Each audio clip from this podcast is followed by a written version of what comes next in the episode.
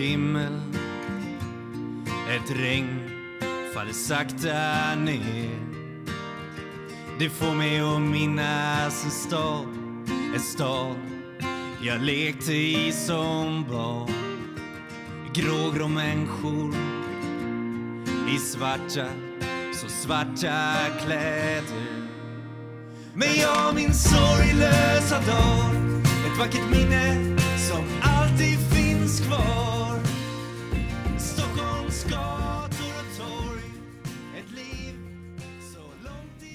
Hej och välkommen till ett nytt avsnitt av Beroendepodden. Beroendepodden är en podcast om alla olika sorters beroende, medberoende och psykisk ohälsa. Och jag som driver podden heter Anli.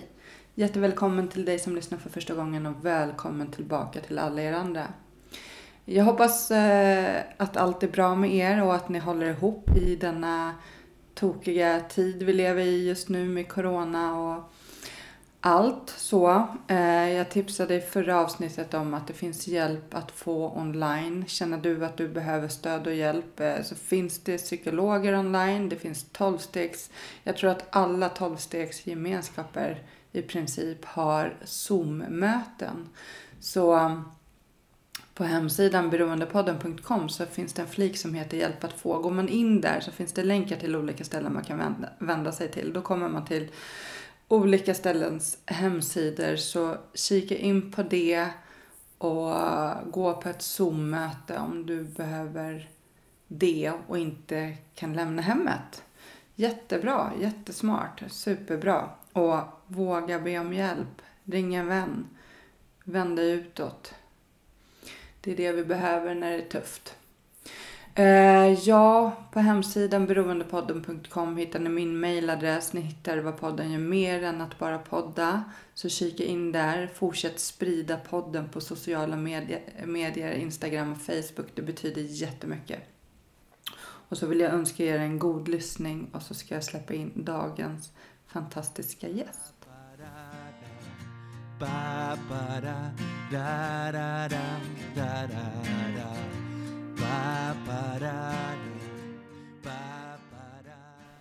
Välkommen till Beroendepodden Yvette. Tack. Eh, Du lever som tillfrisknande alkoholist och shoppingberoende. Mm. Du har, varit, eller du har levt som tillfrisknande alkoholist i eh, lite mer än 11 år Ja. nu. Och eh, tillfrisknande shoppingberoende i typ ett och ett halvt år. Ja, Mm. ungefär. Ungefär. Ja. Och jag är jätteglad att du är här. Och det ska bli intressant att få höra din historia. Och jag tänker, jag, jag brukar alltid göra så när jag har gäster, att man får börja backa bandet ungefär där man vill börja, men där från barnben så att man ser lite hur det har sett ut redan då. Mm. Mm. Ska jag börja? Ja, du får börja berätta hur det Ja, jag kan berätta lite bakgrund med eh, familj och sådär kanske. Mm. Ja, jag är ju uppvuxen i norrort ute i Märsta. Eh, med en familj som innehöll mamma, pappa och stora syster. Mm. Eh, jag var yngst då. då. Eh, jag hade även en bror men han dog tyvärr i en olycka när han var sju år. Men då var jag bara ett år så jag, jag har egentligen inga minnen av det så. Men det var ju såklart en sorg i våran familj som man kunde märka av ibland och så. Min pappa eh, var ju både tablettmissbrukare och alkoholist. Eh, han drack, ja, det började väl med att han drack på helger mycket och sådär. Och eh, eh, ja, sen så eskalerade det liksom. Han drack ju som det gör med den här sjukdomen att han drack liksom på vardagar och misskötte sitt jobb och, och sådär. Så det var, det var en ganska jobbig uppväxt liksom med honom i hemmet då med Ja, man visste ju liksom aldrig hur läget var. Det var jobbigt att ta, jag menar i skolåldern och sådär och jobbigt att ta hem kompisar och, och man visste, han låg ju och stängde, ja men han drack ju liksom han kunde ju dricka och ha gömt spriten under madrassen och, och kom inte upp förrän sent på kvällen och, och liksom ja, körde sitt race liksom och han kunde försvinna iväg och vi visste inte riktigt var han var. Men det var, det var jobbigt med honom. Jag, jag kommer ihåg att jag hade mycket här skamkänslor som barn och så, så över honom. Men som tur var har vi haft en jättebra mamma men som också var, som vi också blev då såklart jättemedberoende med honom och ville hålla ihop familjen och sådär med allting vad det innebär. Eh, sen så, ja men jag växte upp i det där och jag var ju ett, ett glatt barn, väldigt livligt barn och liksom eh, klarade skolan och sådär men eh, med nöd och näppe liksom. Jag var väl aldrig den här riktigt jag klarade liksom eh, skolämnen och sådär men eh, vad ska man säga, det var allting var alltid i sista minuten och jag var ingen sån här pluggande typ eller så. Och var väldigt så här äventyrlig av mig och redan som när jag gick i lågstadiet vet jag att det är svårt att sitta stilla och inte någon typ som bråkade med andra och sådär men liksom svårt att sitta stilla och lyssna och mm. jag vet jag fick mycket tillsägelser och sådär. Jag tyckte att det var jobbigt själv kommer jag ihåg för jag jag kommer ihåg typ en lärare som jag kände att hon gillade nog inte mig riktigt för hon var på mig mycket och sådär. Det är sådana minnen jag har när jag liksom gick i ettan, tvåan, trean för att jag var väldigt pratig och ja men typ som man sa, myror i brallan. Mm. Och, eh, men glad, liksom ändå glad och sådär. Och ja, åren gick och mitt, eh, min, min pappas beroende blev ju som sagt värre och värre. Och eh, det är mycket så incidenter som jag kommer ihåg hemifrån. Liksom, det, var, det var ganska mycket bråk hemma, mycket diskussioner jämt om alkohol och sådär. Och, och, han var ju liksom nykter ändå i perioder och eh, skötte sitt jobb och han var förbundsdomare i basket och jag tror att hans fysik tack vare det var, ja han var ganska uthållig om man säger så. Han klarade av det här med att liksom hålla vissa perioder och vara skötsam och, och sen så, ja, typiskt mm. periodare liksom. Men eh, sen så efter, liksom, vad ska man säga, när jag gick i, när jag började hög, eller ja, sjuan, åttan, då var det, hur gammal är man då? Jag tycker 12, 13, ja men något ja, sånt där. Ja, då var, då var det mycket så här som eh, var jobbigt hemma och liksom han, eh, eh, jag vet någon gång när vi bodde i ett radhus och han ramlade ner för trappen där och ja, men det, var, den här, det kom mer tydligt liksom hela tiden med hans drickande att det var väldigt jobbigt hemma och, och eh, han satt ofta och rökte, det gjorde man ju på den tiden, man rökte ju inomhus. Jag vet hans jäkla Rillo som han rökte. Och då bodde, jag vet att vi hade flyttat till ett radhus då. Jag brukar sitta liksom i trappan och kolla i såna, genom spjälorna där han satt nere i vardagsrummet. Och han satt ofta och rökte där i soffan och lyssnade på sin musik och sådär. Han var ju inte direkt elak mot oss när han drack sådär. Han, han skulle ju aldrig slå oss och sådär eller vara hemsk mot oss så. Men han, var, han levde för sin alkohol och sitt lite så flumliv och och liksom eh, tyckte det här med vardag var väldigt tråkigt och det skulle vara fest och flärd hela tiden. Ja, fast det var väl inte det egentligen. Det var ju ganska tragiskt mm. egentligen. Och jag kände liksom att min respekt mot honom den brast ju på något sätt och jag fick något så att jag jag vet, jag hällde ut väldigt mycket alkohol för min pappa. Man hittar ju sprit överallt hemma. Och min mamma kämpade ju, men ändå liksom eh, försökte hålla ihop familjen och, och sådär. Jag tyckte så synd om henne på något sätt. För jag märkte att hon började bli liksom lite sjuk i det här. Och hon fick lite ångestattacker och, och på något sätt ville skydda min mamma hela tiden. Så jag, jag vet att min syster, jag hade ju en stora syster också. Hon hade jättesvårt med min pappa som drack och de var jämte luven med varandra och sådär. Och jag var lite mer så här ja, jag vill liksom på något sätt, jag tyckte om min pappa men ändå liksom tyckte jag att han var hemsk som utsatte oss för det här och ville skydda min mamma väldigt mycket. Så jag, där, redan där började något så att, eh, att jag byggde upp någonting med att vilja liksom rädda henne från honom på något sätt. Och jag vet att jag hällde ut jättemycket alkohol och liksom försökte trösta henne och när hon mådde dåligt och, och liksom, jag vet att vi började prata redan då i den åldern att, eh, eller när jag var 13-14 att jag tyckte det lika bra var att de skulle skilja sig för vi, liksom, det påverkade oss så negativt liksom, med mm. han i vårt liv och så. Och jag tyckte han bara var en stor belastning och, och jag tyckte liksom att vårt liv kunde bli mycket bättre utan honom.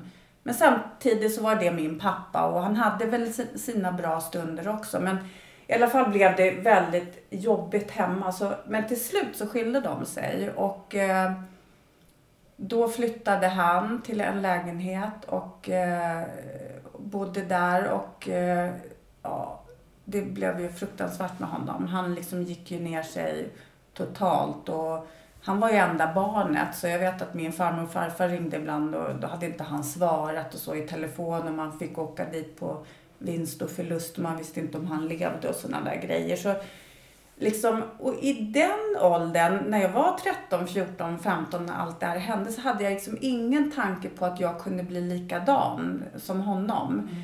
Men redan där vet jag ju att jag, när jag var 13-14 så började jag ju umgås med liksom lite, ja med det här med att gå ut och liksom fick dricka första gången och, och liksom tyckte om det väldigt mycket. Jag kände så att på något sätt så, det var som en medicin för mig. Jag var, blev mycket lugnare, jag kände att allt det här som pågick i min, inom mig, i min hjärna och allting, allt surr och så. Det var verkligen, jag hade hittat hem och det var så hemskt att jag kände så första gången jag drack liksom. Mm. Och jag ville aldrig heller, jag var ju sån där, när jag väl fäste i min ungdom och sådär, när jag var yngre, så ville jag alltid dricka eh, tills det inte fanns något mer. Alltså jag var, jag blev oftast fullast av alla tjejerna och liksom jag var ju rolig när jag var full också tyckte jag liksom. Jag, jag, jag tror inte att jag var så rolig när allt kom omkring. Kanske liksom till en viss gräns men där stoppade jag aldrig. Jag ville gärna dricka, dricka tills nästan jag blev medvetslös. Så var det ju ofta och jag hamnade i väldigt mycket konstiga situationer med både med killar och saker som vi gjorde. Vi, sen när jag blev äldre så höll vi väl inte ihop med världens bästa gäng liksom. Det var ju lite halvkriminella killar och sådär. Men i alla fall så, ja, alltså jag tror mycket av det här med Ja, men jag liksom kunde aldrig se att jag skulle bli som min pappa. Det var jättelångt ifrån. Men ändå liksom drack jag ju sådär som jag gjorde. Väldigt destruktivt. Mm. Så att eh, men, och det där eskalerade ju. Men jag var ju ute och festade mycket under hela min tonår liksom. Och eh, min pappa blev diagnostiserad med cancer. Han blev nästan tvungen i, i sitt... liksom han, från, han dog när han var 56 år bara i cancer. Han, ble, han levde ändå med sin cancer i ganska många år. Jag tror han fick sin diagnos när han var 47. Mm. Eh, och då fick han bara något år på sig sa de då, att leva. Men han var väl ganska god fysik och sådär. Men under de här åren fram till 56 så åldrades han typ. Han såg ut som en 80-åring som gick omkring med en rullator och ja, det var så hemskt på slutet. Men så han tynade bort liksom helt enkelt. Han hamnade på hospice och, och dog till slut av både sviterna från sitt missbruk och sin eh, sin eh, cancer såklart. Så att det, var, det var jättetragiskt faktiskt. Men, så han kunde ju inte dricka på slutet. Men liksom hela historien med honom när jag var hemma hos honom mycket och gud, liksom jag, min kamp för honom, ung, ändå ung människa som, var ska man ta vägen med en sån som var för frisk för att vara på sjukhus med sin cancer, för det var innan då, då och sen eh, var för dålig för att vara hemma liksom. Men jag är så orolig. Det var ju brännmärken överallt. Han satt och nodda liksom och, och var så liksom borta mycket. Och, och tog, det här med, han har ju också varit som mig väldigt extrem. Tog han, rökte han så rökte han tre paket om dagen. Tog han tabletter så var det liksom, det var inte en tablett. Det var, så han överdoserade ju allt liksom. Och, och jag vet jag ringde så mycket om honom. Och, fråga vad man... Han kunde ju elda upp hela huset tänkte jag och var så orolig. Men till slut blev han så dålig så han hamnade på hospice då. Alltså, det var nästan en, en lättnad för mig faktiskt. Mm. Och där var han ganska bra ett tag. Och jag levde, jag kan ju bara säga mitt liv då, fram till dess var ju att jag levde ganska rörigt. Eh, sökte mycket bekräftelse hos killar. Eh, fann mitt lugn i alkoholen. Vi liksom inte varit sådär jätteförtjust i andra droger. Var nog lite rädd för det faktiskt. Jag har väl rökt braj några gånger och sådär men aldrig liksom och jag vet att vi sniffade lim någon gång i någon källare och det var jättekul. Och, men liksom aldrig något som jag har fastnat med, med i liksom på något sätt. Det var liksom alkoholen. Det var det andra var liksom, det var lite förbjudet för mig men ändå var vi i de kretsarna så det skulle göra lätt hänt. Jag bara tänker på ibland idag om jag skulle ha fått prova typ amfetamin med min personlighet och så. Jag skulle säkert ha fastnat i det. Men eh, nej, jag blev kär i alkoholen faktiskt. Så att det, det var hemskt. Så jag, jag kan ju säga så här idag att jag var ju typ alkoholist nästan vid 13-14 års ålder redan. Mm. Om jag ser tillbaka så, så hade jag ju verkligen hittat något som jag tyckte om. Men jag, sen så träffade jag en kille som var lite annorlunda, lite mer ordentlig än alla jag hade haft när jag var 19 år. Eh, Håkan hette han och var, han var ju lite äldre än mig, hade bra utbildning och, och eh, jag tänkte liksom han han ska, han var bra liksom för mig och det är han som ska få ordning på mitt liv. Det var ju lite så jag kände faktiskt men eh, ja, så var han väldigt annorlunda. Han var så godkänd av min mamma och min syrra gillade honom och alltså det har alltid betytt väldigt mycket för mig vad de tycker hela tiden. Eh, och så träffade jag honom och vi, vi eh, flyttade ihop och vi fick en dotter dotter, eh, Sara, född 93, då, 1993. Och jag vet att redan efter några månader så var jag ute igen. Alltså jag höll ju mig nykter. Alltså jag, var, jag skötte ju mig liksom i, när jag träffade honom och, och eh, liksom tänkte att det var ett nytt kapitel på mitt liv och sådär i början. Men jag var ju såklart, jag hade ju det där inom mig fortfarande. Jag var ju inte alls klar med varken alkohol eller det här livet som jag levde på något sätt. Så efter ett tag när jag hade, jag är alltid sån som vill att det ska hända väldigt mycket, rastlös själ. Så när jag fick Sara, det är klart att eh, mycket var bra och jag kände ändå så att jag var jättelycklig för henne och mitt barn och, och mitt förhållande. Men samtidigt så började det krypa på sig någonting efter något halvår eller något sånt där. Så jag vet att vi var ute med jobbet där någon gång och sen kom inte jag hem på, först på morgonen och då hade jag liksom blommat ut och med mitt drickande igen. Och sen hade jag det där suget hela tiden att gå ut och jag kunde liksom alltid få med mig någon ut. Och den stackaren, den som jag gick ut med, det var ju alltid katastrof. Jag, det var ju alltid liksom någonstans jag hamnade eller liksom med, med eh, på någon fest. Eller jag ville ju aldrig att kvällen skulle ta slut liksom mycket, mycket minnesluckor och sånt där. Och, och vi kämpar väl på där med vårt förhållande fast det var ju inte speciellt bra liksom. Och, och, ja, och han försökte väl tillgodose det på sitt, på sitt bästa sätt så att säga. Så när jag, sen började vi titta på hus för att jag, ville, jag tyckte det var kul om vi kunde ha ett hus och det tyckte ju han också. Så att då köpte vi ett hus och så började vi hålla på med det. Jag säger ju inte så att jag dricker varje dag här. Liksom det, när jag har tillfälle att dricka så dricker jag. Och det mm. är ju ofta att jag skapar med tillfällen att vi kanske har middag och sådär. Att man får dricka. Men liksom jag höll det under kontroll på något sätt ändå hela tiden. Och sen mitt upp i det där så blir vi Nej, nu måste jag backa lite. När Sara är bebis så blir han, han jobbade på Ericsson då, så blev vi erbjudna och eh, han blev erbjuden utomlandstjänst mm. i Kanada. Så då, precis det här är innan vi har köpt huset, så då åker vi till Kanada på ett korttidskontrakt och bor i Toronto. Och alltså den, jag är och bo hemma och ta hand om ett barn, det, det funkar ju liksom ett tag. Men för mig sen börjar jag ju krypa på väggarna liksom. Det funkar inte. Det är för lite tillfredsställelse för mig. Jag, jag är inte tyvärr den typen som hittar tillfredsställelse bara att vara hemma. Jag mm.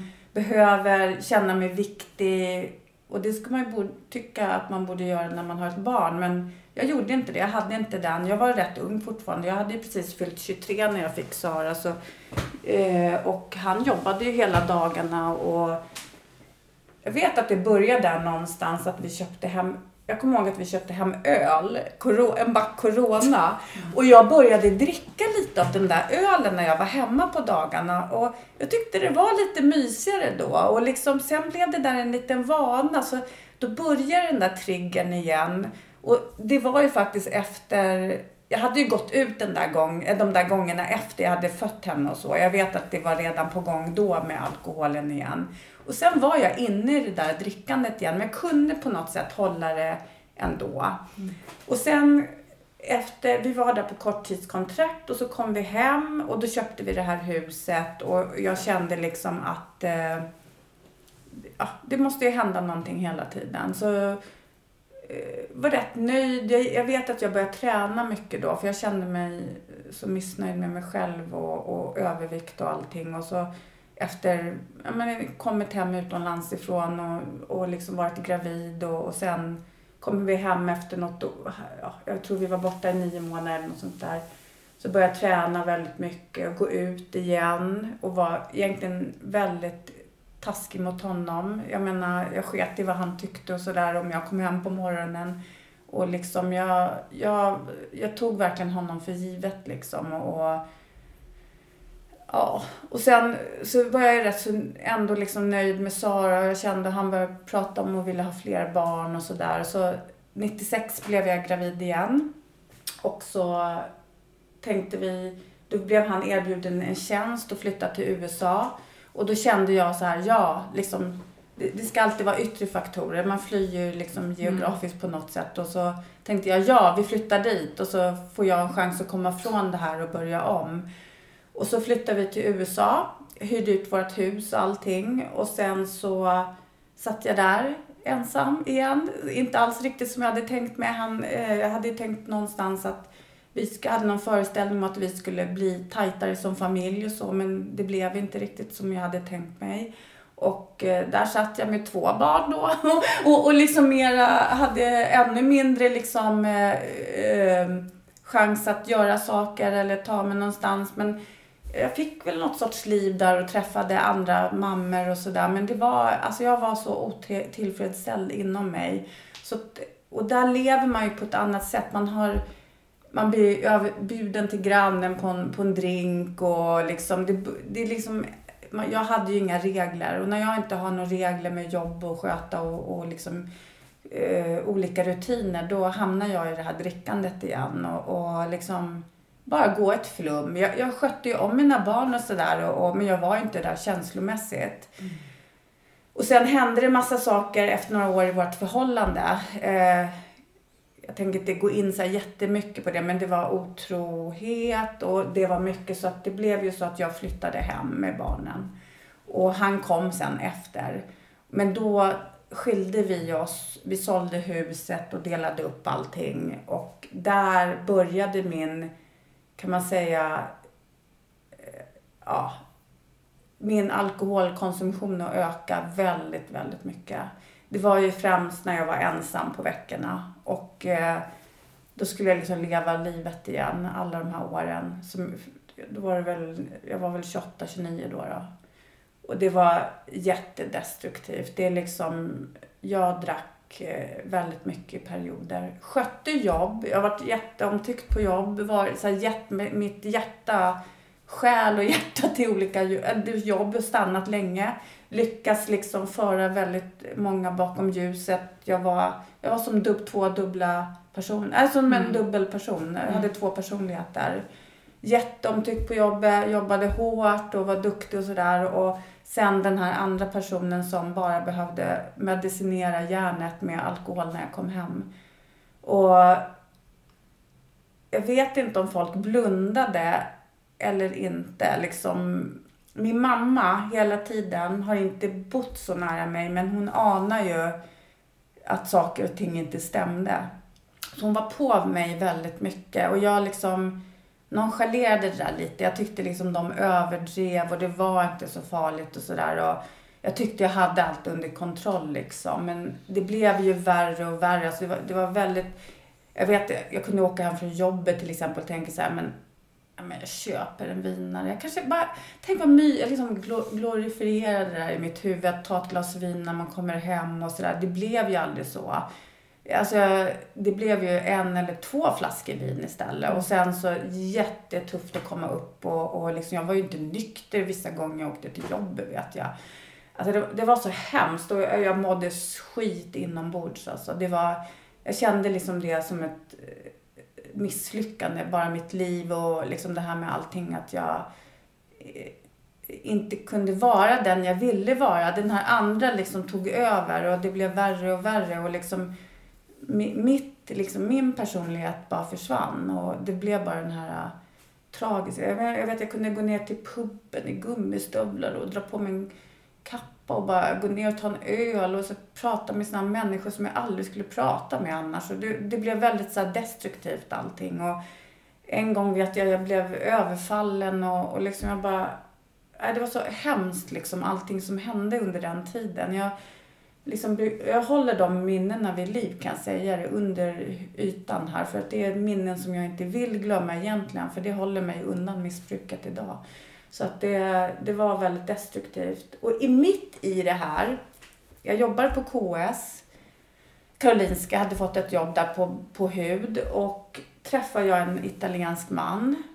Eh, och blir väldigt uppvaktad av honom kan jag säga. Han är på jobb i Sverige. Och känner det här med också liksom att det här ska förändra mig på något sätt och jag vill ha det här med familjen och allting. Så då blir jag ju tillsammans med honom och, och han överöser mig med komplimanger och gåvor och ja men sådär som italienare gör. Mm. som ryktet säger i alla fall. Och jag blev väldigt så här, betagen av honom. Han liksom kämpade på där ordentligt och till slut kunde inte jag motstå honom. Och, och vi blev ju tillsammans, ett par. Fast på, det var ju långt att åka och sådär men vi fixade det där något halvår och så bjöd han mig på någon resa och vi åkte utomlands och då visade det sig att jag var gravid med honom. Så att, och han var jätteglad för det och jag kände egentligen inte honom. Och jag hade ju träffat hans familj så här, några gånger i Italien men tyvärr, de pratar ju väldigt dålig engelska så man kunde ju inte liksom, inte luska kanske låter dåligt, men få sig en riktig bild av honom, vad som stämde egentligen. Men som jag var fortfarande i mitt missbruk och liksom inte helt eh, som jag själv egentligen är, eh, eh, så så gick jag på allting. Liksom. Det visade sig att han var en narcissist och en mytoman och en helt galen person. De där personligheterna kom ju fram efter, ja speciellt när jag blev gravid så, och vi bestämde, han var jätteglad för det här barnet och, och jag kände väl också att jag var glad och, och jag visste inte riktigt först hur jag skulle bete mig i det här, om jag skulle behålla barnet eller men samtidigt så var han så glad och jag kände att, någonstans att jag var glad. Så, och jag fick mycket varningar från kompisar och sådär. Men nej, men jag är självrådig. Jag skulle bestämma själv i allt liksom. Så att, eh, nej men jag behöll. Och jag är jätteglad för det idag. Jag har en jättehärlig son idag. Underbar son. Och, eh, men han förändrades väldigt mycket när jag blev gravid. Han blev elak, alltså verbalt elak, inte fysiskt. Men tryckte ner mig eh, ordentligt. Alltså jag mådde väldigt dåligt under hela den här graviditeten. Han eh, gjorde mig jätteosäker. Han eh, kompletterade ofta mig utseendemässigt. Liksom att jag skulle vara typ glad för att jag fick vara tillsammans med honom och sånt där. Och, och jag tycker egentligen inte att alltså så här, efteråt förstår jag inte att jag gick på den där skiten. Men jag var i det, just, jag var mottaglig då liksom. Jag, jag var i en situation där jag hade, ja, då drack jag ju inte. Jag måste bara poängtera här om det är någon som blir upprörd. Under mina graviditeter och när jag ammat så har jag inte druckit liksom. Mm. Och det gjorde jag inte nu heller med, när jag väntade Federico. Men, men mådde, ja, det var liksom nykter på vita knogar kan man säga. Men am, även ammade honom nykter och Men så fort jag hade en chans så började jag dricka lite vin och sådär igen. Så att, eh, ja, nej men jag mådde jättedåligt och sen så, han hade mycket på sidan om också med, alltså jag hör, överhörde samtal och sånt där och jag kunde inte riktigt liksom, men han var ju sådär att han, nej men det var bara en, en, eh, en kompis jag hjälper och det var så här mycket så här och jag till slut trodde jag att jag var paranoid och galen liksom. Så jag tänkte, ja men det stämmer alltså jag, jag måste verkligen vara helt knäpp sådär. Så att till slut fick ju han mig att tro på honom liksom. Han hjärntvättade mig nästan. Så att eh, jag födde Federico. Jag typ tvingade hit honom nästan. Och han var här några veckor innan förlossningen. Och sen stack han för han var tvungen och åka hem på affärer efter tre dagar. Och sen satt ju jag där med Federico och så två barn.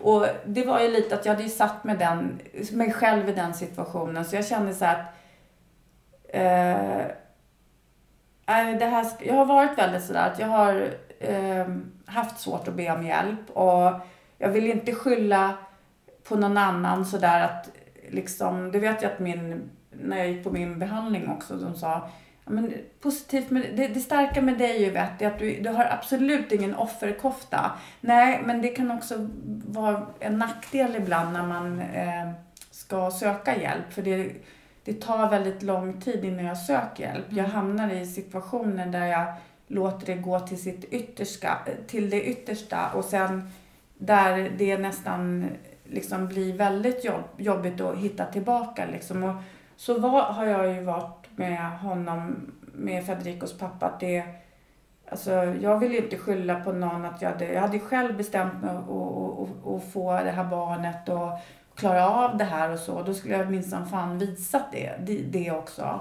Så att jag, jag kämpade på där och jag beslöt att jag skulle eh, liksom klara det här utan honom. Att eh, jag mådde så pass dåligt men ändå med min mammas stöttning som alltid har funnits där för mig så eh, orkade jag på något sätt avsluta den här relationen. Det var lite on and off liksom under något år och jag åkte ner till Italien och så här, men, men eh, jag avslutade den relationen och det stärkte faktiskt mig. Och jag blev där jag tog ett beslut att bli nykter, eller liksom att, att, att vara nykter. Och jag var nykter faktiskt i tre år nästan, utan någon hjälp. Liksom. Men jag hade, utan att gå till något tolvstegsprogram, utan att... Och det jag gjorde var att jag gick till beroendemottagningen. Och, och fick börja med Kampral, som jag hade hört talas om. För det skulle ju minska suget och jag var så inställd på den här kampralen och, och eh, jag vet att jag gick dit med Federico i, i vagnen och jag var helt slut. Alltså jag var helt slut som människa. Jag hade väl haft någon period då. Och de skulle ta prover på mig för de skulle se hur mycket liksom, det finns ju massa prover man kan se hur, hur mycket och hur länge man har missbrukat alkohol och, och sådär, hur man ligger till och så. Och jag, vet, jag var så jävla arg för det, att jag skulle lämna prover där. Och, alltså jag kände mig så, min integritet var liksom så... Alltså det var ju första gången jag hade sökt hjälp liksom för det. Alltså jag, men det var ju bara, jag vet jag ringde till min mamma och bara grät. Jag bara, jag fick lämna prover och allting. Hon bara, men vet du, bara gilla läget liksom. Det är ju som det är, sa hon. Ja, ja, så, så visade det sig så, så, att jag hade ganska höga värden på alla de där proverna och att det var väldigt allvarligt. Inte på leverprover och så, men de, det är ju något ämne som de kan se hur mycket man har druckit under, det stannar kvar i kroppen och det var jättehögt liksom. Så att jag, eh, ja då tog jag tag i det. Men eh, förstod du alltså att du var alkoholist eller var ja, kände men, du bara att du drack för mycket? Nej, alltså jag förstod ju någons, jag förstod det, jag ska säga egentligen mycket tidigare, men jag förträngde det. Mm. Alltså jag var så duktig på att förtränga saker. Och någonstans förstod jag, jag, jag hade inte riktigt kraften alltså att, att sluta dricka. Jag, jag visste inte hur jag, jag visste att jag borde sluta dricka, men jag hade inte kraften. Jag, jag klarade inte det liksom. Jag, jag visste inte hur jag skulle bete mig så jag tog ju eh, små steg ändå med lite Eh, riktad hjälp av folk runt omkring mig. Men någonstans så där så är man ju så självrådig att man ska klara det själv. Och, men jag förstod att jag var alkoholist, det gjorde jag. Men kanske inte riktigt. Det finns mycket förnekelse där och så. så men, och här var ju barn inblandade och sådär. Och jag är liksom så här svårt att... Jag förstår inte efteråt så här, hur jag kunde utsätta det för dem. Även om de var ganska små då så det är klart att min äldsta dotter, de känner ju liksom, de kan ju se olika, ja men i, i, all, i det här känslomässiga och uttryck och så, de ser ju på sina föräldrar, barn känner ju av sånt liksom. Så att, eh, men jag fick i alla fall antabus till slut. Det gick ju inte med det här kampralet. Det var ju bara bullshit. Det liksom gick ju att dricka ändå på det. Man, men antabus hade jag jäkligt mycket respekt för. Det, det liksom skrämde upp mig ordentligt där med att inte dricka. Och jag börjar med antabus. Jag säger så här, antabus, eh, har man inget val så är det en toppenmedicin. Men det är ett rävgift, man mår ju inte bra av det. Men för mig var det en livlina. Att, för man kan ju inte förändra sitt sätt att tänka eller någonting om man inte är så länge man är sinnesförändrad liksom. Det går ju inte att börja jobba med sig själv. Så någonstans förstod jag ju att jag var tvungen att bli nykter på något sätt. Först och främst innan jag kunde börja tänka på ett annat sätt. Och då var antabus jättebra för mig. Och även om det måste göras mer än att bara vara spritfri så var jag ju tvungen liksom att börja någonstans. Och jag kunde inte stoppa liksom det här med att dricka själv. Så att det var väldigt bra för mig. Jag tror att antabus ett år. Jag, jag vågade liksom inte sluta med det. Och sen så, ja såklart träffade jag en man som kom in i mitt liv och eh, ja, och jag var ju nykter då och det, han var sex år yngre än mig och han hjälpte mig väldigt mycket med barnen och Federico blev ju som en son för honom och, och sådär och eh, det var bra just då liksom. Jag kunde börja jobba ordentligt, jag började jobba skift igen. Jag, jag jobbar inom sjukvården så då jobbade jag på, ute på Löwenströmska jag slutade på KS och, och jag hade pluggat lite däremellan och sådär för att kunna vara eh, tajma liksom mammalivet och Fedde och jag var ju mycket själv med honom och sådär. Och sen så började jag jobba på akuten igen. På Löwenströmska fanns det ju en akut på den tiden. Och eh, ja, som fick ordning på livet igen på något sätt. Men någonstans så var jag bara nykter. Jag hade liksom inte börjat jobba med mig själv. Och den här killen då som jag träffade han, han var en jättebra person men hade ett ganska jobbigt humör. Väldigt mycket kontrollerande.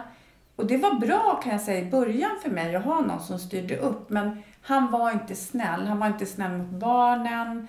Han eh, var väldigt svartsjuk och eh, när jag var nykter så var jag aldrig liksom otrogen eller någonting. Jag var väldigt så här, då, hade jag väldigt, då var jag väldigt så här, principfast och så när jag var nykter. Men eh, det var ju när jag drack. Och jag vet att man inte ska skylla på alkoholen men jag blev en typ helt annan personlighet. Mm. Alltså.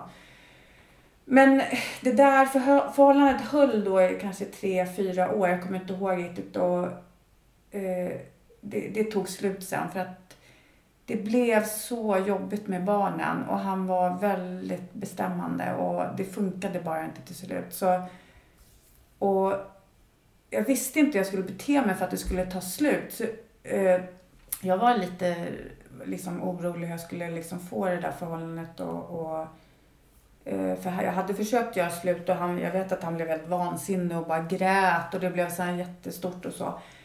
Så till slut började jag faktiskt att dricka.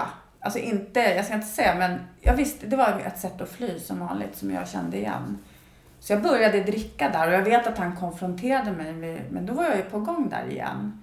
Och då liksom blev ju, alltså det blev viktigare än att liksom på något sätt försöka reda ut det där och jag kunde liksom typ kasta ut honom och så. så att jag körde mitt race där som vanligt och, och gömde mig i spriten och mm. avslutade det där förhållandet. Men Ja, sen gick det väl några år. Jag vet inte riktigt var jag är nu någonstans. Jag är väl när jag är 35 kanske eller något sånt där. Och, och jag dricker i perioder, sköter jobbet och dricker i perioder. Och, och eh, det börjar bli riktigt illa när jag dricker. Jag blir jättedestruktiv.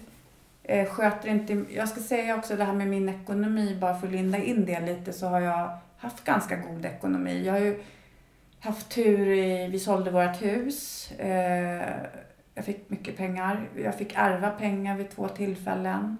Jag hade ganska bra med pengar hela tiden. Jag har aldrig behövt tagit ansvar för pengar själv riktigt. Eh, eftersom när jag träffade Håkan var jag 19 år. Och han tjänade ju väldigt bra med pengar. Och liksom jag har ju bara hängt på, så jag har aldrig fått någon förståelse med pengars värde och sådär på något sätt. Och det här med shopping har alltid varit, det har gått hand i hand det här med drickat på något sätt. Att jag har alltid hittat något, någon tillfredsställelse i det. Det liksom har varit då, jag är ju väldigt kicksökande, mm. alltså orolig person. Så att det, det har liksom gett mig, allt som har varit, sen, gett mig sinnes, som har varit sinnesförändrande på något sätt, eh, liksom eh, har varit en kick för mig.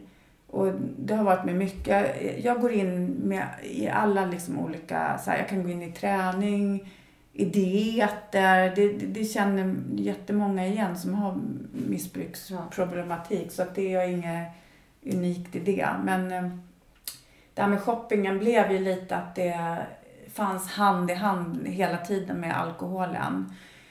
Och jag kan säga bara så här stora hela, mina sista fyra år, man, man, kan säga från 35 till jag blev 39 eller något sånt där, så var det de åren, eller fyra år kanske, ja, de var väldigt destruktiva. Det var, jag jobbade, jag skötte mitt jobb, men i många perioder, ledigheter och sånt där så inte jättemånga perioder kanske med alltså, täta perioder, men de perioder jag drack blev ganska jobbiga. Var, alltså det var väldigt jobbigt att återhämta sig efter varje gång. Eh, jag, dra, jag drack ju dag och natt, eh, typ, fast var inte jättefull hela tiden. Det var bara som att jag gick i en liten dimma. Jag hade mina barn. Det är så hemskt.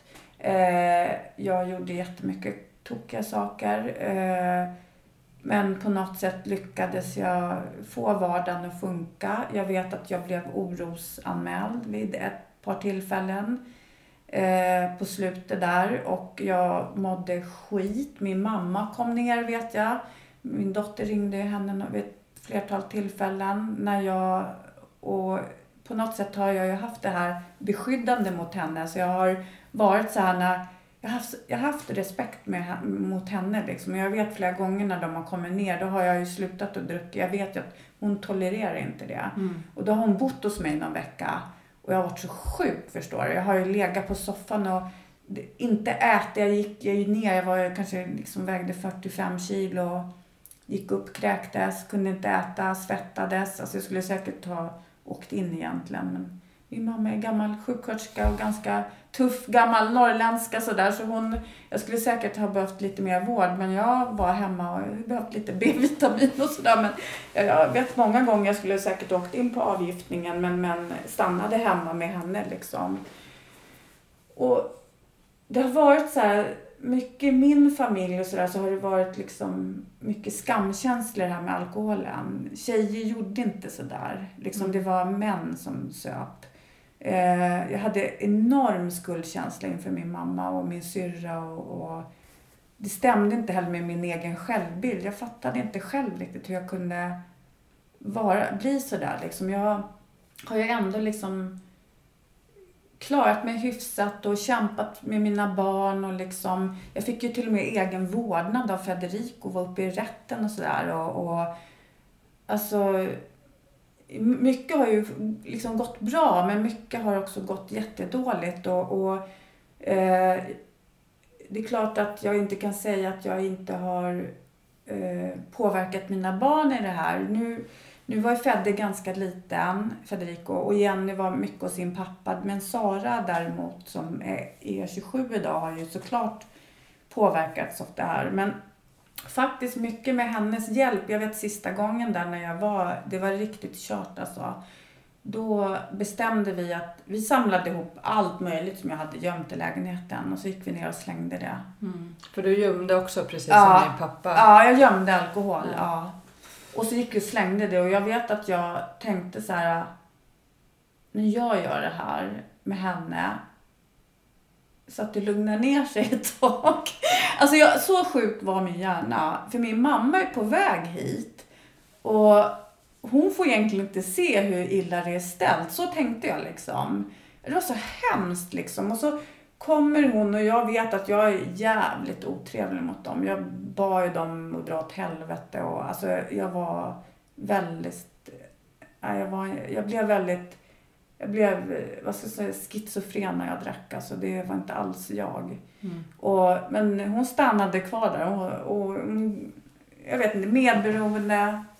Eh, men vem har man annars? Liksom en, det är jättesvårt att vara förälder i den här situationen. Jag menar, jag hade ju mina barn som hon värnade om också. Hon vill ju såklart att eh, det ska gå bra för dem. Och, och de var ju väldigt fäst i mig. Liksom. De ville ju vara väldigt mycket med mig på grund av kanske oro. Men också för att eh, det är klart jag hade, var en, en bra mamma emellanåt och var väldigt engagerad i mina barn också. Men jag orkade inte. Jag orkade inte liksom vara den här perfekta personen. Jag ville liksom bara eh, försvinna bort liksom. Och det var det jag gjorde i alkoholen. Och, och, eh, och till slut så är man i en situation där man är, det är väldigt mycket som jag hade väldigt mycket, vad ska man säga, konsekvenser. Det var SOS inblandade. Det var eh, liksom eh, min ekonomi. Hade jag, ju, hade, jag hade någon gång där 2006 gjorde jag en bra affär med min lägenhet. Mm. Jag köpte den väldigt billigt när den ombildades till, från hyresrätt till bostadsrätt. Och jag, eh, alltså jag köpte den för 250 000 eller något sånt där, en fyra. Nu får man tänka på att det här är ute i Märsta. Men det är ändå ett bra område i Märsta som ligger bra till och, och, och eh, det är mycket jobb runt omkring där så att det är inte, det är hela Arlanda och så det är ganska attraktivt där jag bodde liksom. Men man kan inte jämföra det med en fyra inne liksom närmare stan och så. Så man får ju tänka på att skulle den här gå upp till kanske två miljoner ändå så skulle jag göra en ganska bra affär. Om inte jag hade gått och lånat upp på den där lägenheten hela tiden. För att eftersom den var värd väldigt mycket mer.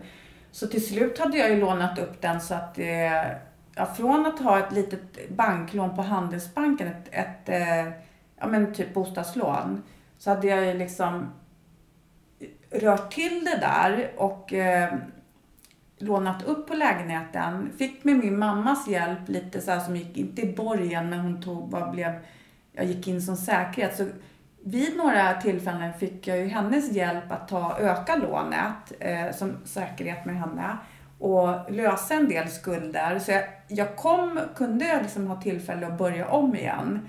Och jag vet att jag vid de här tillfällena lovade mig själv att, för det var inte bara shopping, jag ska inte säga att det bara var shopping, det var, det var shopping, inte bara till mig själv, det var shopping till alla. Alla som jag Alltså jag älskade bara att köpa saker och, och glädja andra.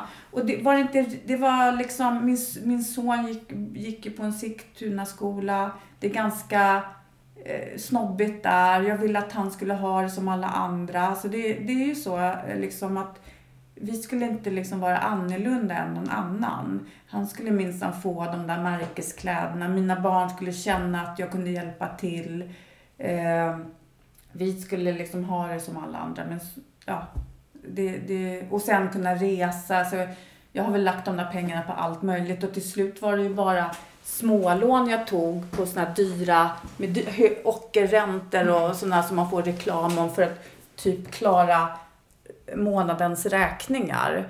Och då är, då är man i sån djup självförnekelse att man bara man skiter i det. Man har kommit så långt liksom så att man skiter i det. Liksom, det, det kommer ändå gå åt helvete. Jag kör det här tills det går ungefär. Alltså det, det, man blir väldigt... Eh, det är också ett sorts missbruk ju. Så är det ju liksom. Och, och någonstans så... Ibland undrar jag, jag kan känna så här, i det här dilemmat så har jag känt att varför, när jag haft de här har jag känt gångerna som det har ordnat upp sig. Varför har jag aldrig kunnat varit nöjd där? Varför har jag bara inte tagit de chanser. Jag har fått en del chanser med min ekonomi till exempel. Mm. För nykterheten gick jättebra. Alltså det, det var så här att när jag väl hade slutat druckit. För egentligen inte för mig. Jag kan säga så här, jag, jag tror inte jag gjorde, jag gjorde, jag, jag blev nykter för att det skulle lugna ner sig. var min tanke från början. Men i och med att jag blev nykter så kunde jag börja jobba med mig själv. Jag började, jag kanske ska avsluta det lite, att jag gick, ett, eh, jag gick på behandling. Mm. På en tolvstegsbehandling kan man säga på, eh, på ett, en, eh, i, ja, på en, med, med, med en behandlings... Vad ska man säga, på en klinik där det bara var kvinnor, eller klinik, en mottagning i stan där det bara var kvinnor för jag behövde ju inga män rörde till i mitt huvud och det var väldigt bra för mig. Och jag gick där länge och liksom fick det genom mitt, jag, jag, jag, jag liksom eh, tog ett snack med min chef, jag hade en, en väninna som jag jobbade med, en sjuksköterska som var med och hjälpte mig och sa, pushade mig, ska vi inte ta det här med chefen? Och, eh, för jag började trixa där med antabussen till slut. Jag kom in i det där igen. Och jag fick den här utredningen. Så jag gick ju på en behandling där jag gick eh, flera gånger varje dag. Liksom, jag var helt slut, kommer jag ihåg. Ändra sitt sätt att tänka tar på krafterna. Mm. Sen gick jag på eftervård i minst två år och jag har ju bland annat då börjat gå på mycket möten och, och skaffa sponsor. Och jag träffade dig där på ett möte Mm. och i en annan gemenskap. Men alltså det har varit verkligen, det har inte varit några tveksamheter med dricka. Men just med, med den här shoppingen. Det har liksom på något sätt har det inte varit lika fult på något sätt för mig. Eller liksom det har inte varit så, det har man kunnat göra lite mer i det dolda också. Eh, alkohol, liksom, det, kan man ju, det kan ju folk se att man, eller känna att man dricker och mer shoppingen kunde man ju dölja liksom på ett Men jag sätt. tänker när du slutade dricka, Ja. det är ju ändå 11 år sedan. Ja. Man pratade väl inte ens om Nej, då? det var ju liksom jag. Och nu när jag skulle, det här när jag kom i den här situationen där jag var liksom, tänk jag har haft ett förhållande i nästan sex och ett halvt år med en, med en världens bästa kille. Jag har fört honom bakom ljuset. Jag har eh, fört min mamma och dem bakom ljuset som har ställt upp för mig. Alltså skammen där eh, var så stor så att det, den tog över. Alltså jag, jag hade sån skam att jag hade satt mig i den här eh, ohållbara situationen där typ, jag var nykter, jag borde ju fasiken veta bättre. Och, och hur jag ska ta tag i det här. Men jag, det gick inte. Alltså jag kunde inte liksom på något sätt komplettera det. Eller jag kunde inte liksom ta tag i det. Jag kunde inte liksom eh, se, alltså det finns ju många likheter såklart. Men och jag borde ju veta bättre. Jag borde ju veta hur jag ska eh, skriva ner vad som triggar mig och allt det där som man gör i tolvstegsbehandlingar och sådär. Men för mig var inte det likadant liksom. Så att det, det funkade inte så för mig. Men när du shoppade, var det liksom, shoppade du mycket från nätet? Eller? Ja, från, mycket från nätet. Mm. Jag tänkte det där på Willys i Märsta. Jag var väl typ, alltså gud vad jag hämtade ut paket där. Han brukar ju skoja med mig, till och med killen som stod där. Alltså jag bara, och, men ofta skickade jag tillbaka också. Alltså jag hämtade så mycket paket där. Jag tror liksom de måste ha, ja men, ja, men här, jag tänkte på det ibland. När man drack gick man på olika systembolag. När man, när man shoppar så ska man hämta ut paket på olika ställen. Ja, nej men det var så här, det var, jag skrattar åt det idag. Alltså jag tror det är det som har räddat mig lite. Det är faktiskt att jag, jag, jag, jag tar det verkligen inte med ett skämt, eller på skämt. Men jag är ganska, Men jag tycker det är skönt att, att man kan skratta Ja. åt saker. För det är ju galenskaper det Ja, man det- håller på med när man är i ett beroende. ja det är ju verkligen, det. alltså, och min mamma har varit, jag säger det, medberoende eller inte Mm. så har hon varit så här, äh gud, alltså hon har varit helt underbar och fått mig liksom också att förstå allvaret men ändå kunna se det är bara pengar du vet. Det är ingen som har dött eller så. Men samtidigt så är pengar ganska viktigt. Det påverkar mig ganska mycket idag. De valen jag har gjort med att hamna i den här ekonomiska krisen som jag gjorde. För att det visade, jag kan ju bara säga så att till slut så var det en kris. Mm. Och det börjar ju till slut, kommer, kommer det ju, jag menar, till slut då så kommer det ju fatten och, och man bör, det börjar liksom, jag kan inte liksom förlänga de där räkningarna mer, jag kommer inte undan liksom. Och eh, någonstans där, eh, och jag menar det är klart att de nära och kära såg det. Det, det tror jag, jag menar, min särbo såg, men han kunde väl liksom, man är ganska duktig med år av alkoholism eh, att manipulera människor. Mm. Alltså, och eftersom jag har ett, ett annat jag som jag visar, liksom som jag tycker är jag och inte den där andra personen, den visar inte jag så ofta liksom. Så ser, visar jag vem jag vill. Liksom. De ser den här flitiga människan som gör rätt för sig och är nykter. Men inte det där andra där jag självmedicinerar med shopping och mår egentligen ganska dåligt liksom. Men hur var det när du handlade? Vad kände du då? Vad kände du efteråt? Ja, men Minns euforin, Mm. det var ju letandet. Mm. Alltså skulle du säga till mig nu, gud, åh, jag skulle vilja ha den där jackan som är... Ja, men jag kan leta den åt dig. Alltså bara att få göra det där, att liksom inrikta mig på det. Eh, och få bara bli uppfylld av det. det. Det var ju själva det, den här uppfylldheten. Mm. Och sen, sen var ju, blev det ju inga annorlunda när jag fick den här grejen. Om vi säger att det handlar någonting till mig själv och så. Så det blir ju ingenting annorlunda. Men det är liksom det där innan som är själva grejen för mig. Det här letande, uppfylldheten. Eh, få bara, liksom att jag sätter igång på det, kicken liksom. Ibland har jag undrat om jag, eh, om jag gillar eller det jag tänkt så här alla gånger som jag blivit hjälpt ekonomiskt och så. Det är precis som jag vill sätta mig i de där situationerna igen. Alltså den där misären. Vad är det för fel har jag tänkt? Liksom, varför vill jag bli kickad och hamna i det? För att liksom göra kom, att allt ska nå till sitt yttersta. Liksom. Det är så konstigt där hur hjärnan funkar. Men jag fattar inte riktigt varför jag inte liksom rent intelligensmässigt så förstår jag. Men jag kan inte styra det själv. Mm. Men det gick så långt så att du behövde sälja lägenheten? Ja, jag sålde alltså det var ju min Jag gjorde så här. Som när allt går till sitt slut för mig så ska jag så Mm. ha hjälp på alla möjliga sätt. Så jag kontaktar och pratar med banken jättelänge. Och det enda utvägen det är ju typ att sälja min lägenhet. Men då måste jag ju tala om till alla varför jag ska sälja min lägenhet. Då måste jag ju verkligen berätta för min mamma hur illa det är egentligen. Och för Janne och så här, inom min omgivning, eller in, inom min. Barnen hade väl förstått ganska mycket liksom. På gott och ont. De liksom tycker det är roligt att få saker och att man finns där och hjälper till. Och det är klart att jag hade fört alla bakom ljuset. Så de har väl inte in, när man bor själv också och inte bor sambo med någon så kan man ju, det här med post och allting, det kan man ju sköta rätt mycket själv liksom.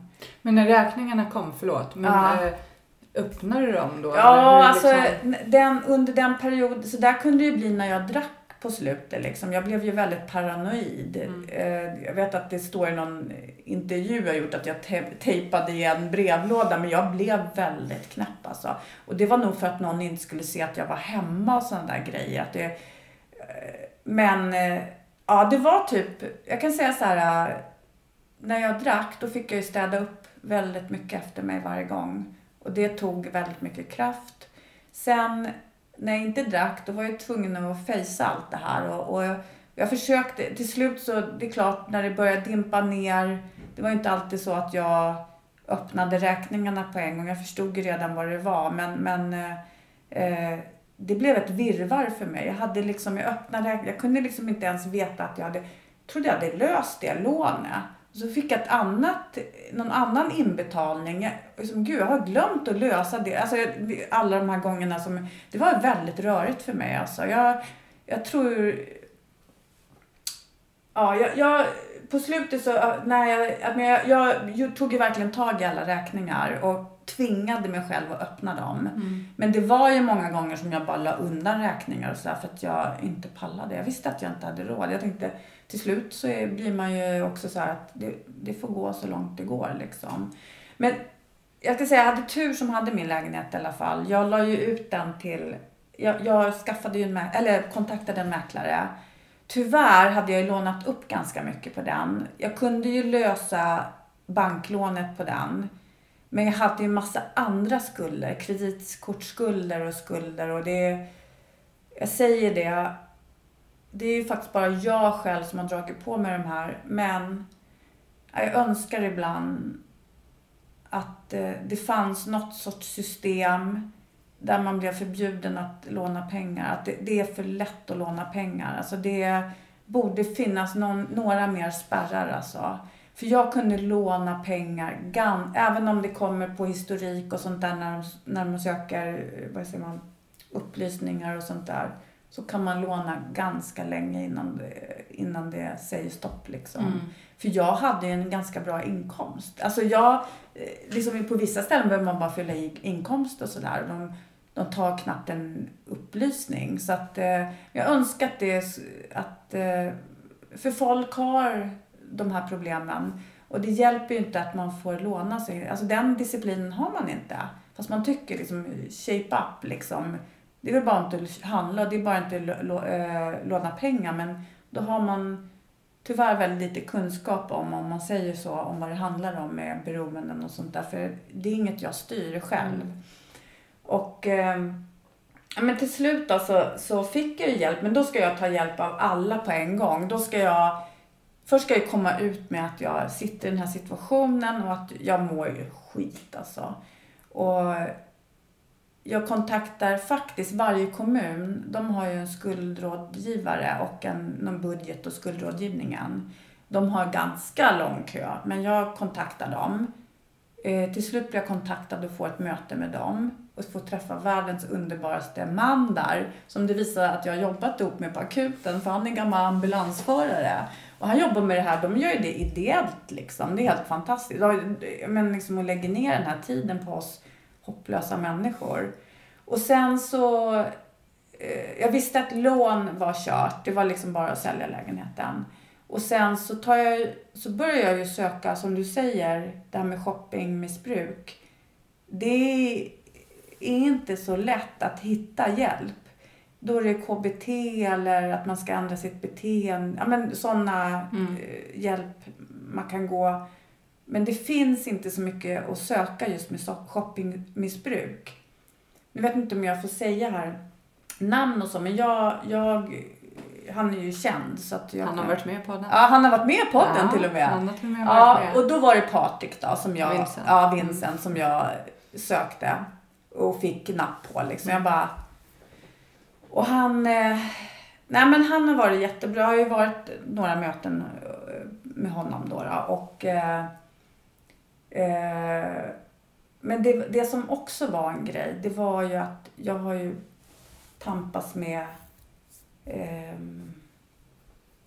vad jag und- eller vad folk har sagt till mig hela livet och sådär. De har alltid skojat med att jag har, och det har jag väl liksom någonstans förstått, att jag har en väldigt hyperaktiv personlighet.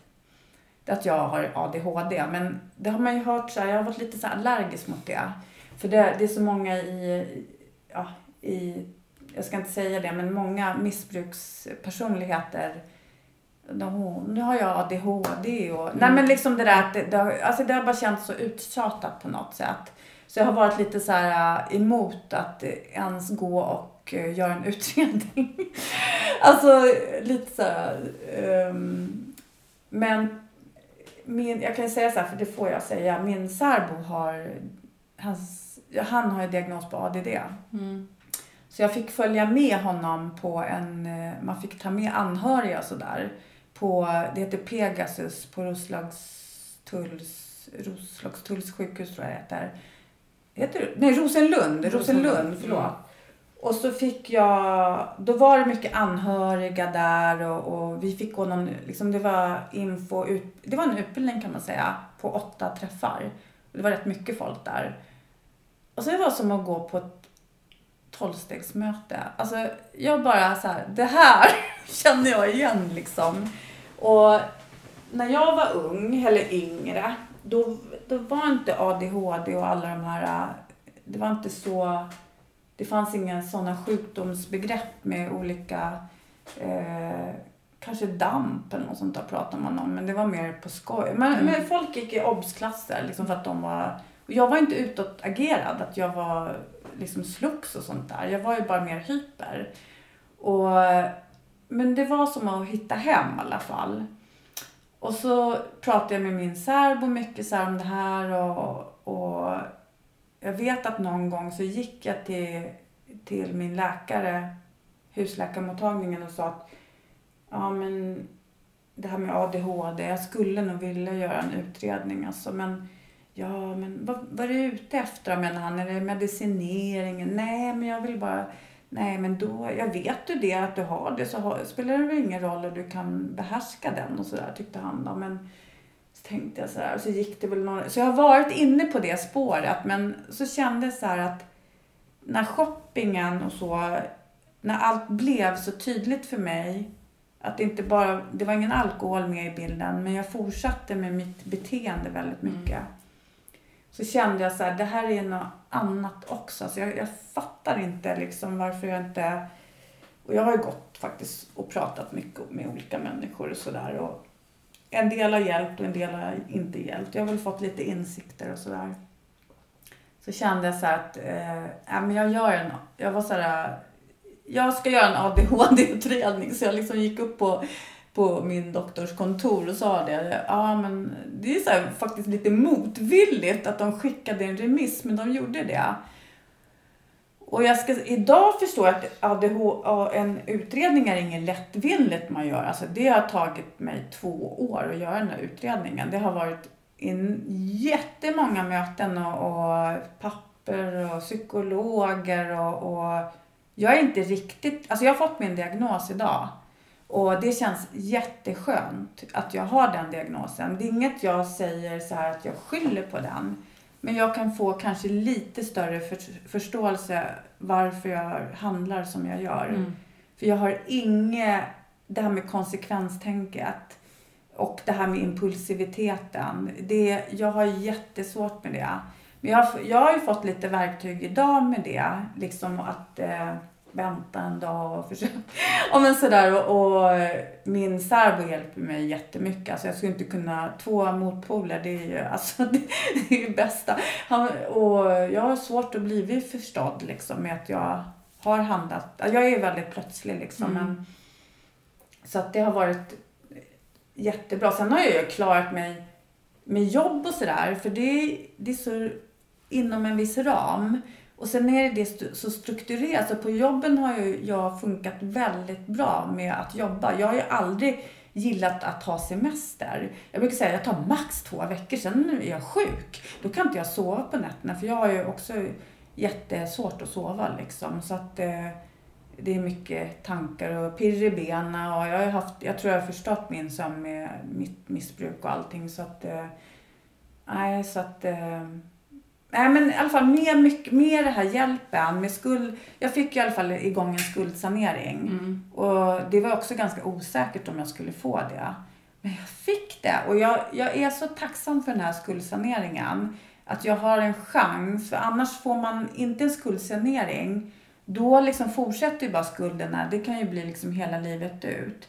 Nu känner jag ändå att jag betalar tillbaka en ganska stor del av min skuld till lånegivarna.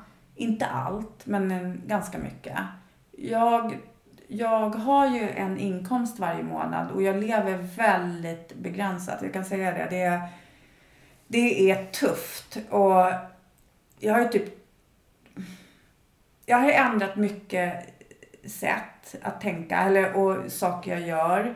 Jag är inte perfekt än. Jag kan köpa något onödigt ibland. Men jag kan säga så att jag det är ju faktiskt så att när jag går in i en affär så tänker jag fem gånger innan jag köper någonting. Förut så var det inte ens en sekunddel som jag tänkte. Och jag försöker att vara öppen med det här, varför jag pratar om det, varför jag var med där på TV och allting. Det är ju lite för att jag är en vanlig människa som jag vill visa bara att eh, det finns mycket under ytan som man inte vet om kanske. Jag behöver inte vara liksom... Jag ser ut att vara vanlig, jag klarar av att jobba och, men jag har ändå försatt mig i den här situationen. Mm. Så jag, jag, det som har varit väldigt jobbigt för mig, det är att det har varit så skambelagt och jag vill försöka ändra på det. Liksom att det ska komma ut mer och att det kan vara vem som helst som hamnar i den här situationen.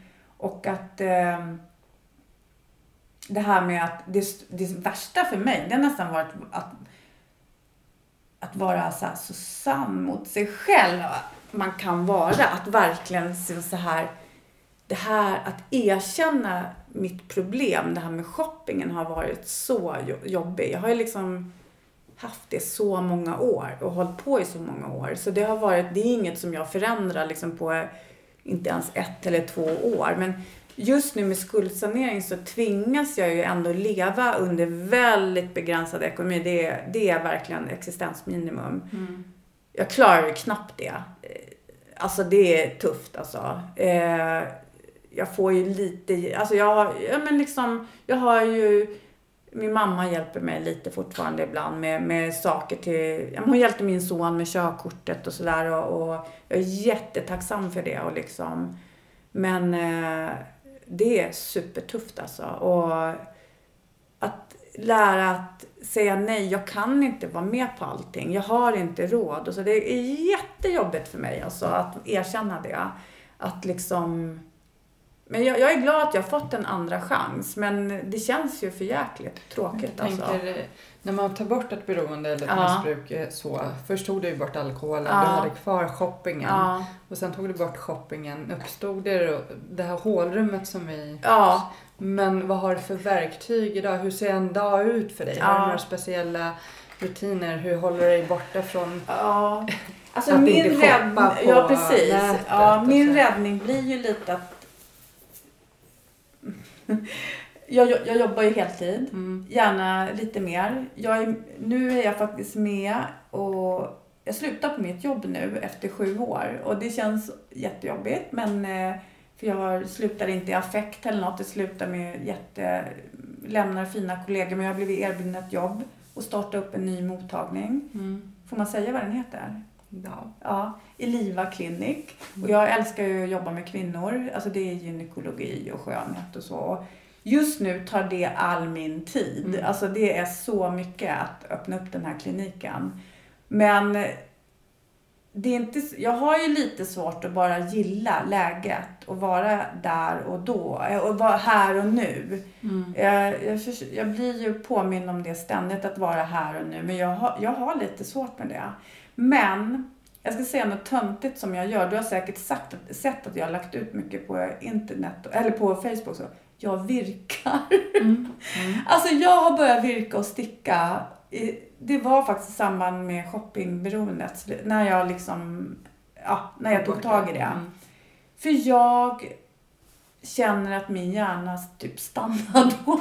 Alltså alla mina är tankar. Många säger att Ja. det är meditativt. Ja, ja, liksom. alltså det, jag har svårt att sätta mig och bara, och så träning såklart Mm. är jättebra men just nu har jag väldigt mycket i mitt liv. Jag hinner inte med riktigt Mm. allt som jag vill göra men, men jag har fyll- fyllt 50 år också så att jag känner lite så här att eh, och ja, inte att 50 är någon ålder, men man har ju börjat känna lite så här att man, man har lite ont här och var och speciellt när jag inte tränar då, och då får jag lite ångest över det och då blir det gärna så här vill liksom hela tiden prestera väldigt mycket och det där är svårt för mig att bara vara här och nu. Mm. Men jag, virkningen, det låter så löjligt. Det låter som jag är en åttaårig gammal tant som men det har hjälpt mig otroligt mycket alltså.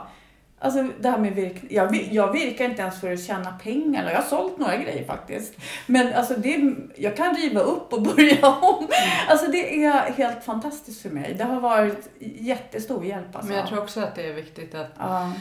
Att fylla livet med saker som får en att må bra. Ja. Men jag tänker också att eh, balansen där, att Ja. inte fylla livet med för mycket. Nej, det känner- blir ju lite mycket det kan ju bli... Fråga min särbo. Det är hans stora konkurrens här i livet. Det är min virkning. Uh, jag vet att det var väldigt... Men jag tänker för att nu är det ju den här med Corona. Ja. Du är ju inte i, karantän utan Nej. du har ju ditt jobb Ja. att fylla livet med. Men, Mm. men det är en rätt så svår situation Ja. för väldigt många beroende Ja. överhuvudtaget. Är du alkoholist eller har haft andra drogproblem och att sitta hemma isolerad Ja. i sina egna tankar utan att Mm. göra saker. Mm. Och då shoppingberoende. Ja. Jag vet ju en tjejkompis, hon bara fan jag har shoppat på nätet Ja. för jättemycket och hon är annars rätt så Alltså, sund, minim- sådär. minimalistisk Ja. som mig. Att så här, Ja. vi ska inte konsumera så Nej. mycket. Så, eh, den linjen är jag Ja. inne på. Och även hon. Mm. Men hon har ju sett hur det har gått upp för henne. Ja. För att hon inte gör de här sakerna som hon brukar göra. Mm. Utan då har shoppingen kommit in istället som en tillfredsställelse i det här äh, rastlösheten som uppstår. Mm. Oh, det är. Så den här situationen som, eh, Som är nu, som är nu är ju super... Ja, det är inte bra för många. Nej. Det, Nej, och då gäller det att hitta, försöka hitta ändå hyfsat sunda saker. Jag kan känna att virkningen, den är ju ganska... Ja, jag, jag har fått väldigt mycket gratis garner, jag vill bara säga. Så jag har inte ens köpt garner. Men eh, eh, annars kan det bli ganska dyrt att virka kan jag säga om man inte får mycket garner. Men jag har väldigt snälla...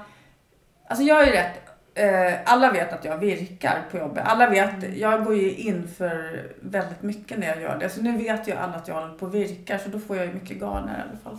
Men eh, nej, jag har svårt att, att hålla liksom fortfarande. Men jag kan känna att virkningen är ganska oskyldig trots allt. Mm. Ehm, ehm, och eh, alltså lyssna på, jag kan säga också några grejer som jag tycker, jag kan ju bli lite för mycket av allt. Det är också det här med att kolla på Netflix och sånt där. Jag kan ju, när jag börjar se en serie, då kan jag ju se hela säsongen i ett svep. Och jag Mm. blir ju, och sen, och sen så, jo, något som jag gjorde mycket också i början, det var faktiskt vara med på någon sån här, eh, att jag lyssnade på böcker.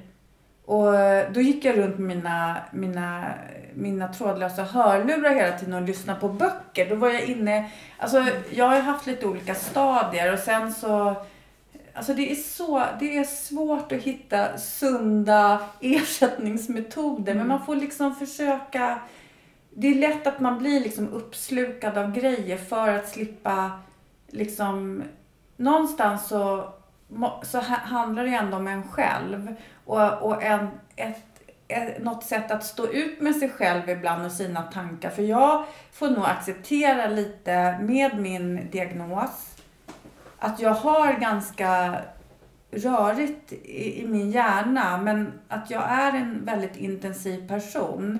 Och utan medicinering, så om, om jag inte önskar att prova det, så kommer jag nog ha kvar det här lite grann. Och då får jag försöka hitta bra saker ändå. Jag kommer inte kunna gå till någon och prata bort det här tror jag. Alltså jag är lite så här, men sen får jag hitta vissa olika saker och hantera det själv bara. Liksom som, som jag tycker inte påverkar kanske andra eller eh, så mycket i alla fall. På ett neg- jättenegativt sätt. Eller att det skulle äventyra mitt liv igen eller mina barns liv. Så, men det är liksom inget man gör på en kvart. Det tar tid att Men förändra du, sig. du eh, går fortfarande på Ja, tolvstegsmöten och ja, så. gud, ja, Har du ja. några, går du på något tolvstegsprogram för shopping? Eller Nej, väljer du Nej, Men en, eh, också hur ser, hur ser din relation eller med dina barn ut? Ja. Alltså, mm, pra, har ni pratat mycket om Ja. det? Och, Alltså det som har varit bra med, alltså mina, speciellt hon med äldsta tjejen. Mm. Hon, jag har ju varit jätteöppen med min alkoholism när jag tog tag i det. Och eh, jag vet att hon, de har varit med flera gånger när jag har berättat min, kört min live story och Mm. sådär. Och de, eh, är- de är, alltså de, alltså jag får så mycket positiv feedback av dem. Och de är ruttna på mig ibland, det vet jag. För de tycker nog jag är lite för mycket ibland. Men eh, eh, de, de, jag bjuder på mig själv också. Jag bryr mig inte så mycket, ska jag tala om, om jag gör bort mig lite och sådär. Och jag är den jag är liksom. Och, och ehm, det här med shopping också, det var också jättejobbigt att tala om det. Men de, jag la ju korten på bordet och jag, jag kände så här att mina barn, de kommer i alla fall inte gå ifrån mig. Alltså de, jag, jag är ju den mamman de har, tyvärr. De får liksom gilla det, men de har varit suveräna. Mm. Men det tar lite tid, speciellt kanske för min son och så här och, som har fått leva lite vidlyftigt och så. Och, och eh, ja, men ha- haft, kunnat köpt märkeskläder och jag har tillgodosett hans behov på alla, mina alla på dåliga sätt egentligen. Men, men han har också blivit superbra. Han har blivit vuxen. Men liksom, Mm. de blir ju vuxnare också och förstår. Men däremot hade jag enorma skuldkänslor. Först mot min mamma, men det är också mamma, men mot Janne. Mm. Alltså, och han kändes nog väldigt dum att inte han har liksom... Ja, men det är inte så att han inte har någonstans kanske tänkt att det här stämmer inte med shoppingen.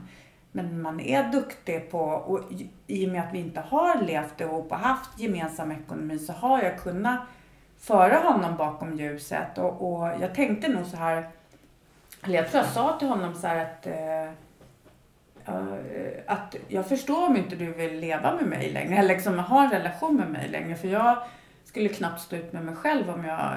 Nej men, jag- vet inte hur jag hade tänkt. Så här, det blir som... Det är ju det är en ganska stor grej att jag har ljugit om det här och så. Eh, men eh, nu är jag villig liksom att ändå förändra mig och sådär. Och, och det var jättetufft att säga det. Och, men han liksom har ju stöttat mig och, och även om jag inte gillar allting som han säger alltid så tar jag, tar jag faktiskt och funderar på det. Eh, Han är ju inte felfri heller såklart. Men liksom, alltså jag har ju, och han är också väldigt sund. Han är jättebra för mig. Han har varit superbra. Så att jag, egentligen i stora hela så lever jag, så har jag jag måste säga att jag har det bra liksom, men jag lever väldigt extremt sådär med... Jag måste hela tiden tänka på min ekonomi, ut, alltså väldigt, väldigt mycket. Och det kommer bli så här, jag har fyra år kvar. Men sen samtidigt ser jag ljuset där att jag, jag ser det som en lärotid under de här fyra åren. Att få ett annat tänk, alltså det är, det är inte något man får på ett år ens. Mm. Liksom. Man måste bara undvika allt i, i första hand. Liksom. Och sen så ser jag det som en lärotid och sen, jag menar jag är inte lastgammal om fem, fyra år. Jag har många år kvar och jag, och jag kommer kunna leva jag har liksom sonat mina brott känner jag på något sätt och, och kommer kunna leva med min inkomst som inte är jättedålig. Och, och eh, de räknar ju, jag får betala in själv varje månad en ganska stor summa. Mm. Och det svider ibland. Men jag kan säga att man får två betalningsfria månader. De är väldigt givmilda. Det är under sommaren och december. Mm. Mm. Så det är ändå schysst tycker jag. Mm. Och jag, det är ju helt fantastiskt där med skuldrådgivning att det finns den möjligheten. Det tror jag inte många andra länder har. Och eh, eh, efter de här fyra åren så kommer jag ändå gå ut, hoppas jag, och ha lärt mig världens läxa och fått ett annat tänk och, och sådär. Och, och jag är ju på väg men det tar tid. Så att eh, jag ser ju ändå en ljus framtid liksom. Men just nu känns det ju väldigt tufft liksom hela tiden att eh, tänka på vad jag handlar för mat och det räcker ju knappt månaden ut alltså. Det, det är supertufft alltså. Men eh, ja, eh, jag vet inte. Eh, jag var tvungen att driva det till sin yttersta Mm. till det yttersta på något sätt för att liksom komma hit och det är ju fruktansvärt. Jag önskar ju både med alkoholen och och med shoppingen och allting att jag någonstans kunde ha stannat tidigare så hade det sluppit blivit så här men samtidigt så har jag blivit en annan människa. Jag kan kanske förstå mina medmänniskor på ett annat sätt. Jag ser liksom omvärlden lite annorlunda med all den erfarenheten jag har. Så att liksom, samtidigt så ångrar jag ingenting. Det låter... Ångrar gör jag väl, men jag, jag, jag kan liksom... Jag har viss, mer förståelse, Mm. mer, jag kan visa medmänsklighet. Att, jag dömer inte folk som jag kanske kunde göra förut själv. Jag ku- kunde ju se på andra som var precis i samma situation, situation som mig. Som, eh, jag liksom var inte där riktigt, men jag var ju där djupt i samma situation. Men på något sätt så idag kan jag se tillbaka Mm. och tänka att det ändå, jag har lärt mig en, någonting av allting. Och jag kan hjälpa andra liksom också. Mm. Och jag tror det här är ju väldigt vanligt Ja. och blir vanligare och vanligare Ja. och just det här att man kan ta de här snabba lånen och alla, Ja. liksom och eh, ja, hela det så, en snabb flykt, en snabb, en snabb fix sådär. Men jättetack för Ja. att du kom och delade Ja. med dig Tack. och eh, Är det någonting du vill avsluta med eller något som... Nej, alltså jag kan bara säga att det, det går att ta tag i allt. Även om det känns väldigt mörkt. Mm. Alltså det, gör, det går att förändra sitt liv. Mm. Även om det, det gäller att vara sann mot sig, mot sig själv och liksom våga be om hjälp. Och det är inte, man måste ta bort den här skammen bara. Mm. Liksom, eh, det är såklart jag inte går och sjunger om det här på gatan direkt men, och talar om det till alla. Men, för shoppingen har varit jättetabubelagt för mig. Men att lägga korten på bordet och gärna i god tid. eh, Men eh, att det, det är, du är inte någon sämre människa. Mm. Du är inte en svag människa. Liksom tvärtom att, att du kommer växa i det här liksom. Det kan jag bara säga. Det har jag gjort. Mm. Tack. Tack för att du kom. Ja, Och all lycka till i ja framtiden. tack så mycket för, för att jag fick komma.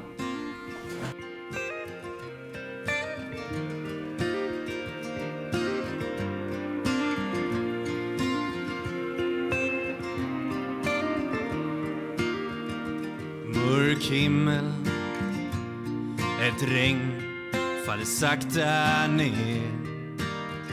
Det får mig att minnas en stad En stad jag lekte i som barn. Grågrå människor i svarta, så svarta kläder. Men jag min sorglösa dag Ett vackert minne som alltid finns kvar. Stockholms gator torg Ett liv så långt ifrån sorg ba, ba, da, da. Ba, ba, da, da.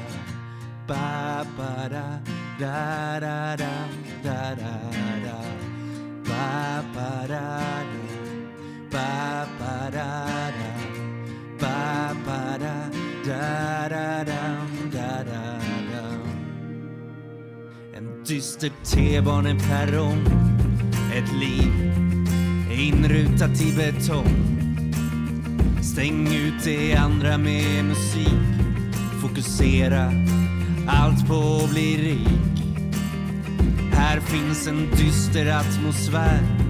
Ett liv kretsat kring karriär. Men jag min sorglösa dag. Ett vackert minne som alltid finns kvar. Stockholms gator och torg Ett liv så långt ifrån sorg ba, ba, da, da. Ba, ba, da, da. Ba, ba, da, da, da, da, da, da, da.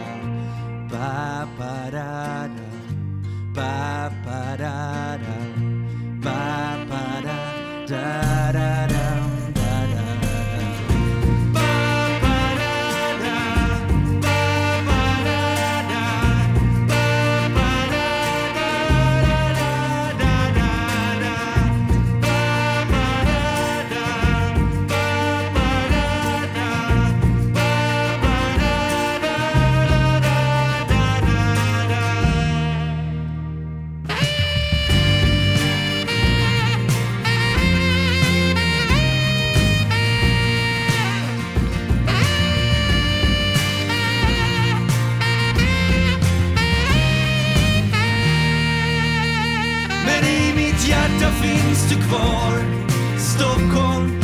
mina drömmars